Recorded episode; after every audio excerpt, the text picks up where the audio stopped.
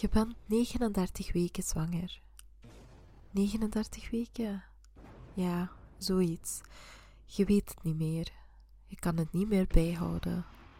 Je hebt de baby enkele dagen niet voelen bewegen, maar alles is waarschijnlijk oké. Je hebt gewoon niet opgelet nu je gedwongen werd om je huis te verlaten, op vlucht, van de ene plaats naar de andere. Je probeert jezelf te kalmeren. Je herhaalt dit meermaals tegen jezelf. Hij zal wel bewegen. Binnenkort gaat hij bewegen. Je moet gewoon rusten.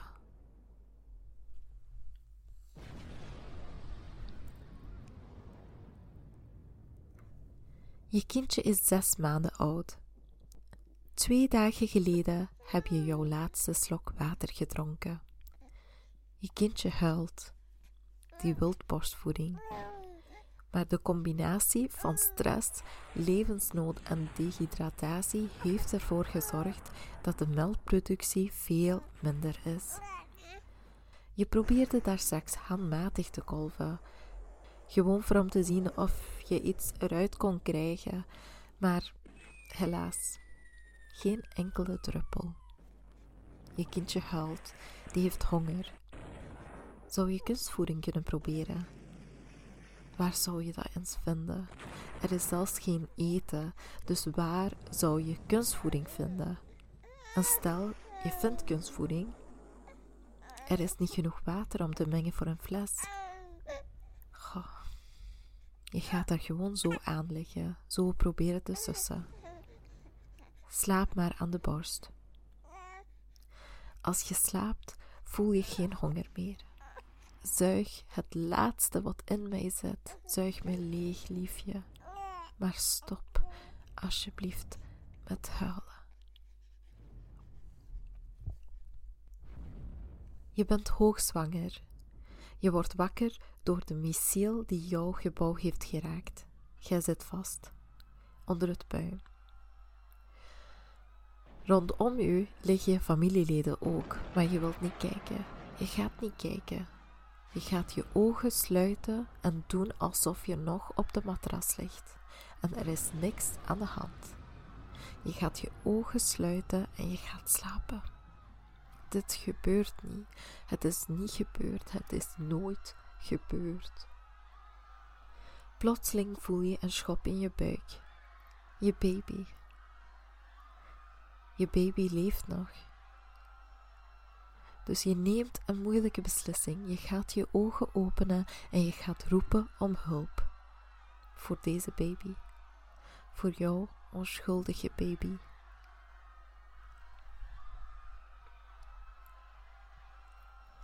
Je bent binnengekomen op spoed.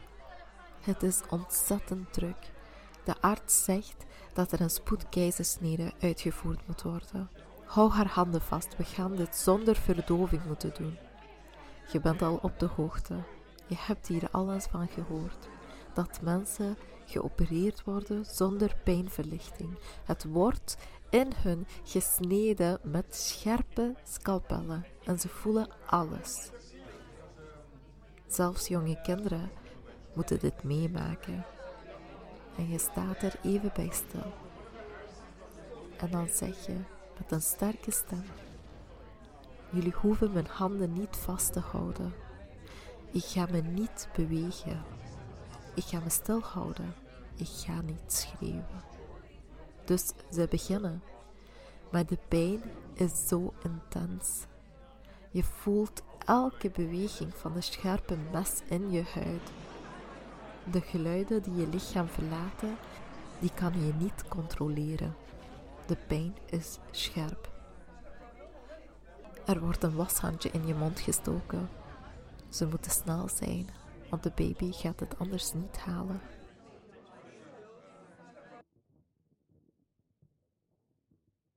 Enkele weken geleden was je pril zwanger.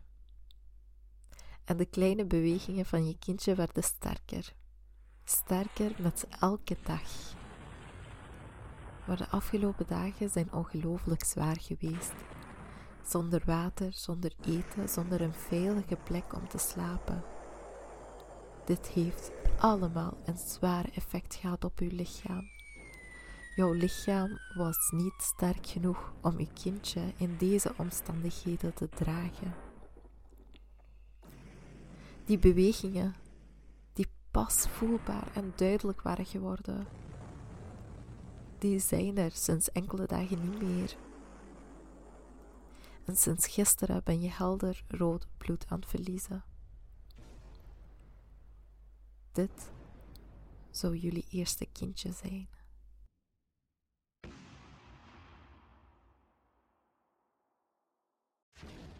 Je weeën zijn gestart. Je moet een veilige plaats opzoeken, een veilige plek in Gaza. Een plek waar jouw onschuldige, zachte, nu al zo geliefde baby geboren moet worden. In de ziekenhuizen is er geen plaats meer. Daar mag je pas binnenkomen als je klaar bent om te persen. Je dacht eraan om buiten het ziekenhuis te blijven, daar in het openbaar die weeën opvangen totdat het zo ver was. Maar iets hield je tegen. Zo hoort het niet te zijn, denk je. Een pluspunt is dat jij dit al eens hebt gedaan. Je hebt dit ooit eens gedaan. De omstandigheden waren anders. Je had hulp, je had steun, er was genoeg medisch hulp.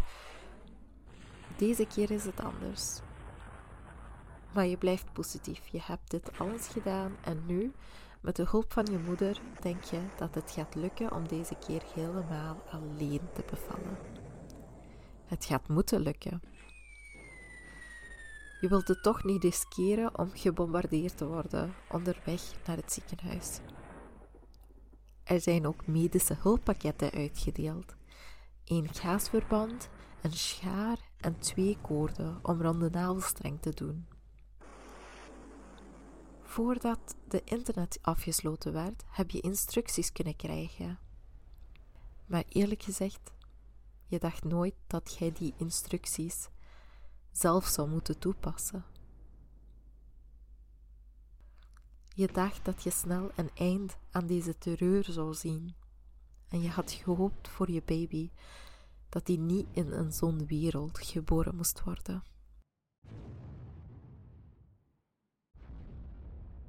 Stel dat jij het bent.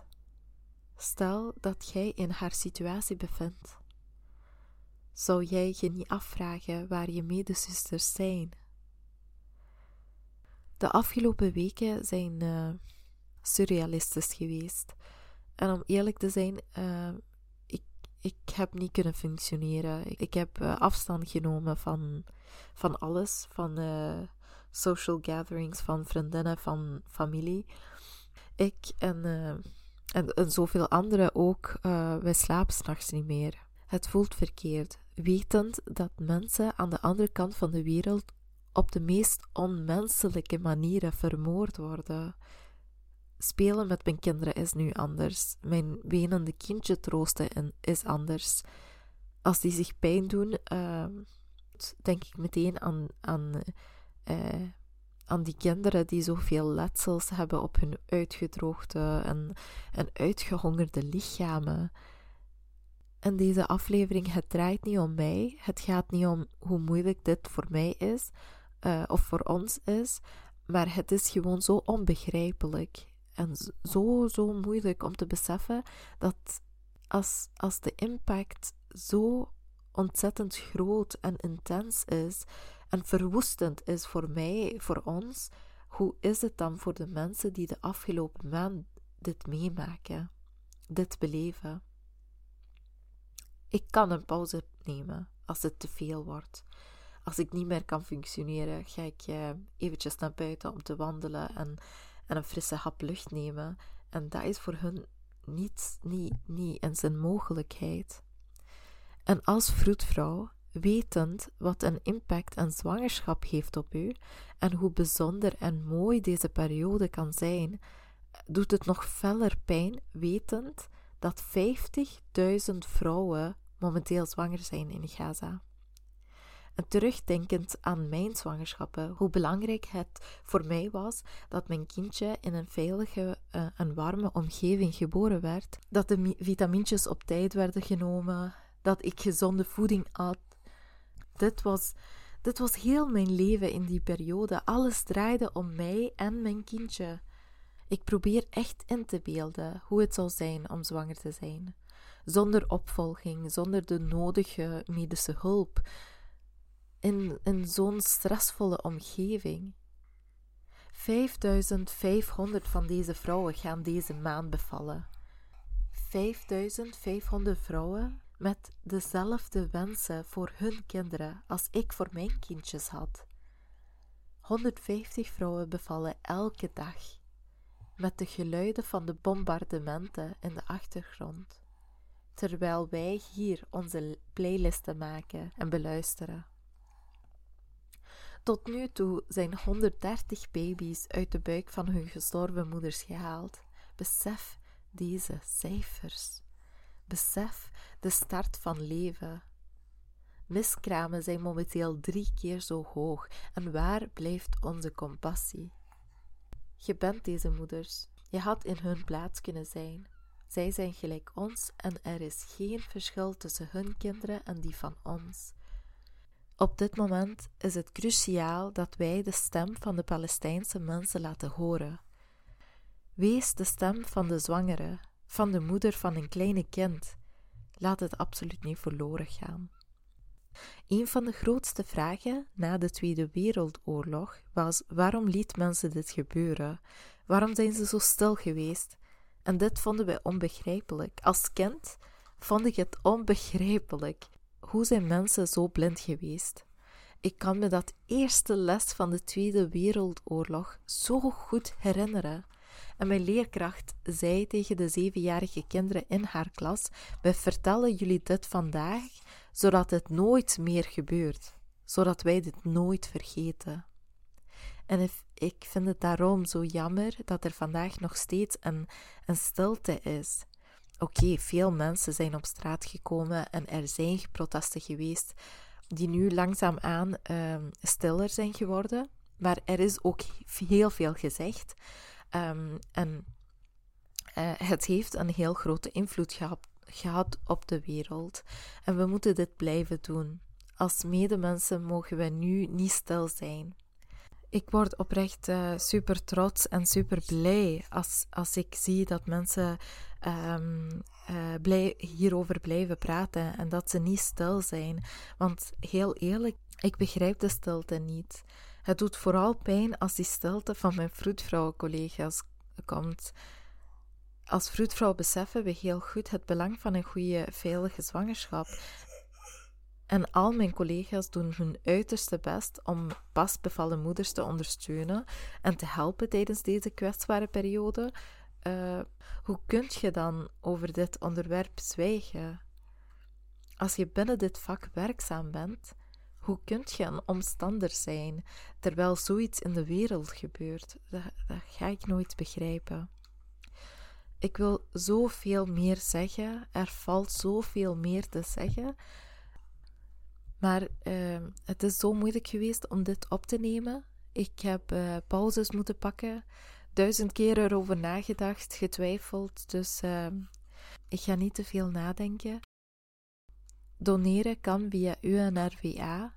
We hopen vooral dat deze donaties in Gaza terechtkomen, want momenteel wordt dit geblokkeerd.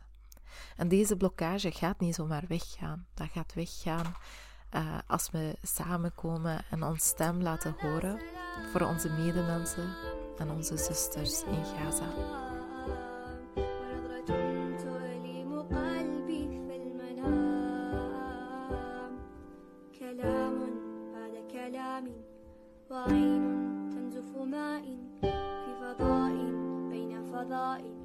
I'm a kind of a.